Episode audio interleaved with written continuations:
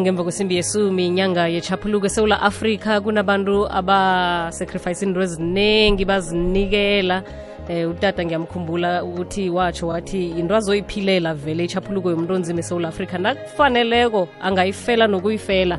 Batsho umuntu ongakayitholi into angayifelako akakabi ukuthola ibanga lakhe lokuphila. Abantu abakwazi ukukhuluma basho if you haven't found the reason anything to die for then you haven't found a reason to live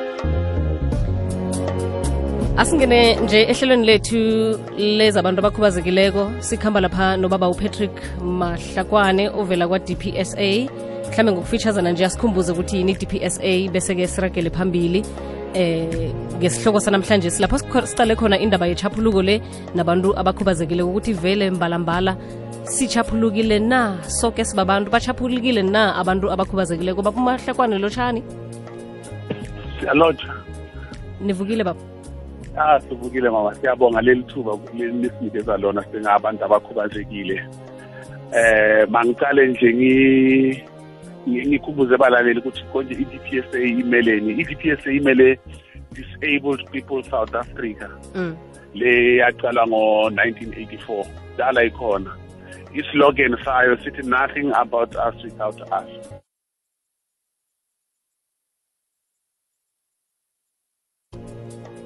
Ya akukho lokumele kwenzeke ngathi ningaka ningakabonisani nathi so to put it alright yeah. nokuzwakala kamnandi babumahlakwane sho ine inama-branch endaweni ezahlukahlukeneko? Ya i-PPSA inema-branch in fact i-operator ikhona kuwonke ama-provinces noma ama-provinces ahlukahlukene ngoba thina siyi-donor driven kusho ukuthi siyafandwa lamanye ama-provinces uthola ukuthi banayo i-funding labanye abanayo but khona kuwonke ama-provinces la i-provinces sinama-branch lama-branch yiyo la ayenza umsebenzi eh la kulama community bayenza ukuthi i-voice ya-DPS ibe khona. Eh sibonakale nathi ukuthi kungabi nalokhu kwenzakalayo bangakacabangi ngathi bangakacocisani nathi. Kuyazwakala baba. Khe sikhulume ngendaba yechaphuluko sichaphulukile esewula afrika. Eh abantu abakhubazekileko nani niyayibona ichaphuluko niyifumene njengawo woke umuntu? Eh thina singabantu abakhubazekile. Ngasho ngithi eh thina sisacula le ngoma lethi freedom is coming tomorrow. Mm. ngikhuluma ngale ndlela ngoba kusasekuningi lokungayenzeki kithi abantu abakhubazekile. Mm. and uma sikhuluma ngale freedom sikhuluma ukuthi ukhululekile ukuthi ungathola or uyenze into lefuna kuyenza like for instance i-freedom of movement uyafuna kuya noma kuphi uyafuna kuyofunda kuphi uyafuna kuyosebenza kuphi kumele ube na that freedom of movement Mm. kodwa kithi lokhu akubi khona ngoba kusanema-obstacles lamaningi la kumele asuswe Mm. ukuthi thina sisekhona ku nathi sithi sikhululekile yabona Mm. and uma usowubuka kahle kahle eh nginikeze nje i-example ngokuthi labaningi basavalelekile emakhaya and uma bahleli emakhaya bangakhona ukuphumela ngaphandle. It's not because eh bane-choice. Bazali abanayo i-choice. Kuyabonakala ukuthi abantu abaningi abasebakafundiswa ngabandi ngabantu abakhubazekile ukuthi abantu abakhubazekile nabo kungabantu. Kumele uma sihlela inhlelo lezithile nabo sibafake. Siyazi ukuthi lapha kule stadium bazawukhona ukungena nabo bayobukela ibhola uma bafuna kuyobukela ibhola. Mm. yabona? Eh laphaya kule hall leya kumele umuntu ohamba ngewheelchair akhona ukungena nalo mnyango akhona ukungena angaphakanyiswa. So i-freedom uma ngisengibuke kahle yes south africa ikhululekile mara thina kusasekuningi lokusivalela ngaphandle. Mm. sasengaphandle ngoba lokuningi akwenzeki.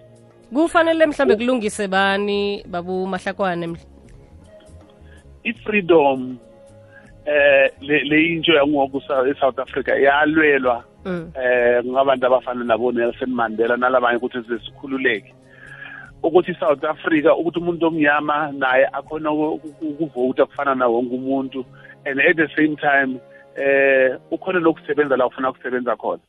Kepha ke mathuba emsebenzi awabi khona kithi abantu abakhubazekile ngoba abantu basacika ukuthi thina asingeke sikwazi ukusebenza uyabona? And eh, lo mathuba emsebenzi singawathola ku-government. Uma sikhuluma nge-education for instance iy'kolo eziningi lana la empumalanga asinayo iy'kolo zabantu abakhubazekile kufana nabo-gauteng na-other provinces bo-north west la ukuthi abantu bayakhona ukuchubeka ngesikolo bafike ku grade 12 empumalanga akunalutho. And uma ngikhuluma so ngempumalanga sathenjiswa isikolo some years back i think it was in 2012 Mm. unankulu lo se-ayu-deputy kuthi uzasakhela sikolo up to today lesikolo asikho. And sithi ngala sifu- abantu abakhubazekile bakhululekile bazawusebenzaphi bangakafundi? Ngoba uma kumele bafunde kusho khona ukuthi kumele babe ne- nale matric then bakho I mean uma bahambe bayosebenza kumele babe nale matric. Kodwa boye bayoyitholaphi le ikolo lezi khona lezi lezi bathi ma-full service school zigcina ku-grade seven. And from grade seven kuya ngala kubo grade eight kuya ngala there's no support. Bantwana labaningi badropa out. So iphi freedom lapho? And again noma ngabe mhlambe umuntu bekafuna ukuthi angafunda kule sikolo lesale esila eduze akakhoni ngoba lesikolo leso asikho asikamlungeli umuntu okhubazekile because of itepisi nangale ndlela seyakhike ngakhona. Nalaba labo tishera abakaceceshwa ngendlela yokuthi bangakhona ukufundisa umuntu okhubazekile. So i-freedom le ngikhuluma ngayo njengoba ngibuzile ukuthi ubani okumele ayenze lokho ugovernment kumele ayemake sure ukuthi singabantu abakhubazekile siyintshoya kufana nawo umuntu le freedom lesikhuluma ngayo Mm. kunomnyango ocalelele abantu abakhubazekileko nangikhumbula kuhle uvane uthini na nikhuluma nawo lo lo mnyango lo khona lo- manje us- uku-social development Mm. bathi i-OSDP ukhona lo mnyango into le khona ukuthi noma lo mnyango ukhona ukhumbule ukuthi lo mnyango u- u- u- i-government angeke ukwazi bathi to bite the hand that feeds you kumele bona bakhona bamonithare ukuthi ma-department awawenza lo msebenzi wayo na but so far a- u- asikho happy nyana kakhulu ngoba lokhu ningi kusasele ngaphandle yabona kusasele ngaphandle akusekuningi lokhu siku-enjoya singabantu abakhubazekile i-transport system for instance i-transport leyikhona la south africa ayisiservisi thina singabantu abakhubazekile noma ungathola umsebenzi you are struggling to go to work ngoba um i-transport system uma uhamba nge-wheelchair abakumeli uma ungaboni nakhona kuyinkinga aba- abanendaba nawo so kuningi siyayifuna nathi ukuyi-enjoya le freedom. Ukuthi sikhona ukuyi-enjoya ngiyacanga ukuthi i-government angaya- ugovernment angayenza kangcono uma angafundisa abantu ngo- nge- ngenkululeko yabantu abakhu- ya- abakhubazekile. Again bayenza ukuthi la mapholisi akhona angithi kunabantu labahleli kulama offices. Babe nelwazi ukuthi la mapholisi kumele bawa-implemente kanjani umsiza kanjani umuntu okhubazekile. Eh le polisi lena ayimbandlululi-ke uma sikhuluma ngama-bazaries for instance akhona ama-bazaries mara uma abantu bangakafiki la kuleyo matric bayowasebenzisa kanjani? So we need to start lapha sithi imfundo mayibe phambili ukuthi uzokhona ukukhululeka. Ngoba uma ungakafundi kuyafana nokuthi nje eh awukakhululeki. Kodwa kithi lama-barriers asasemaningi kakhulu la Mm. kumele asuswe. Ngisho even noma ungasakhulumi nge-government even noma ungathi uye esontweni uthola lesonto lakho lileti tepisi letingaka wena uyafuna kuyosonta ma ufika lapha bafuna ukukuthandazela ngoba abantu bacabanga ukuthi wena mhlawumbe uyagula or njani. Kuya- kuyafunakala ukuthi sibafundise bonke abantu ngokukhubazeka nokuthi uma nakha lamasonto niyazi ukuthi nabantu abakhubazeka bazawufuna ukuya esontweni. Yabona? Mm. wakha leholo wenza yonke into wazi ukuthi sikhona singabantu abakhona. Because eh i- i- i- si- i-south africa ikhululekile kune-democracy. Manje ab- a- a- asiyi-enjoyi ngoba labaningi abasebakayitholi kahle lento i-dpsa iyinhlangano le ifisa kakhulu ukusebenzisana ne-government ukuthi babonisane ne-government ukuthi singathuthukisa kanjani impilo zabantu abakhubazekile. Ah, kwamanje uma ubuka nje um kune i-moratorium leyikhona ku-government leyithi uma amaphosti amaningi bawafrizile uma umuntu aresign ayiphosti bayifrize and all that.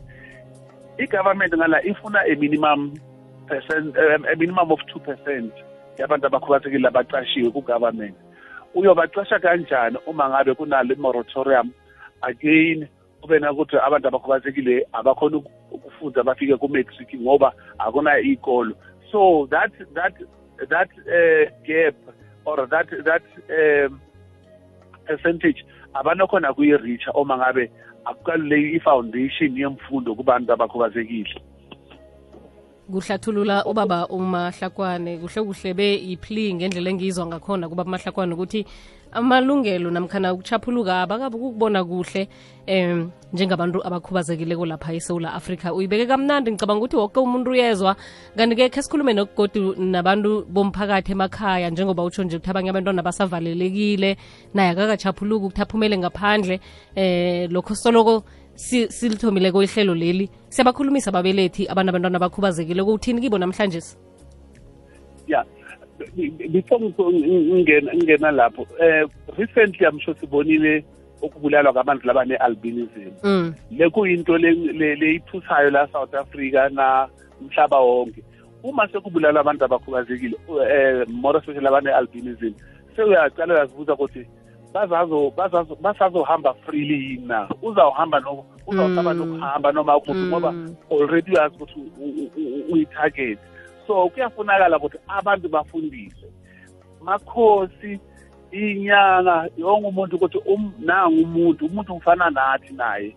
Eh ma-departments i-department efana ika-health nayo kumele kube na-that education ukuthi labantu labane-albinism nabo bazokhululeka. Ngithi inkululeko ikhona mara abantu labaningi bethu labakhubazekile ba- baleke- ba- basame ngala emuva ngoba they are not free. Kuzokele yeah. baba mahlakwane eh kuphela nesikhathi kokwakho ngiyacabanga sowuzasala uphawu nomlaleli inomboro lapho abafumana khona i-DPSA ngingazi ukuthi lisizo elinjani ebalifumana kini abantu abakhubazekileko abantu abakhubazekile labaningi sibafaka ku-database ngoba siyasithole labanye ama-companies bathi bane-learnership Mm. bana kulo msebenzi wayiphika bese siyabanikeza bayabacasha kancane kancane um lo ten percent nyana obakhona so uma basifuna abantu labaningi ngoba ne-information siyashara nabo. Bangasithola ku 013 794 1711 or mina bangangithola ku 076 781 3080 asiyibuyelele godu 076 781 3080 3080 yes. Okay baba kona sithokozile ukukhuluma nawe ngitsho ngibonge kakhulu and ngiyabonga ukuthi nihlale nisinika le platform ngoba ngilapho nathi sikhona ukuthi sifundise abantu Mm. nomphakathi siyenze abantu babe awe ukuthi si- si- sisanenkinga singabantu abakhubazekile. Inkinga le ingalungiswa uma abantu bangabuki ukuthi ukukhubazeka abantu abakhubazekile kuphela kumele la kumele balwe nalokhu. I- impi yawonke umuntu kumele sonke singabantu whether ukhubazekile awukakhubazeki silwele malungelo abantu abakhubazekile. Ngiyabonga. Thokoza thina baba mahlakwana ngupatrick mahlakwana ovela kwa-dpsa nomboro 076 781 3080 kunekolelo nasi embi khulu yokuthi basho abantu abane-albinism abahlongakali. Eh bayakhamba nje umuntu kungaziwa ukuthi uyephi kanti bayathunjwa. Bathunjwa babantu abakholelwa ukuthi heyi umuntu wakhona ungathaka ngaye izinto ezifana nalezo ezingekho njengoba asitsho nje ukuthi abakakhululeki abakachaphuluki bazokukhamba njani ngoba bayasaba basaba ukuthi bazokugolwa. Abalahleki bayahlongakala njengawoke umuntu kodwana-ke into beyenziwa kade khulukhulu nanje siyibonile. Bayathunjwa bayakidnetshwa sitshinge lapha enhlokweni zendaba zephasi siyokuzwa ngosesithembi ukuthi ihlangana nezinye ngo-11 ngiziphe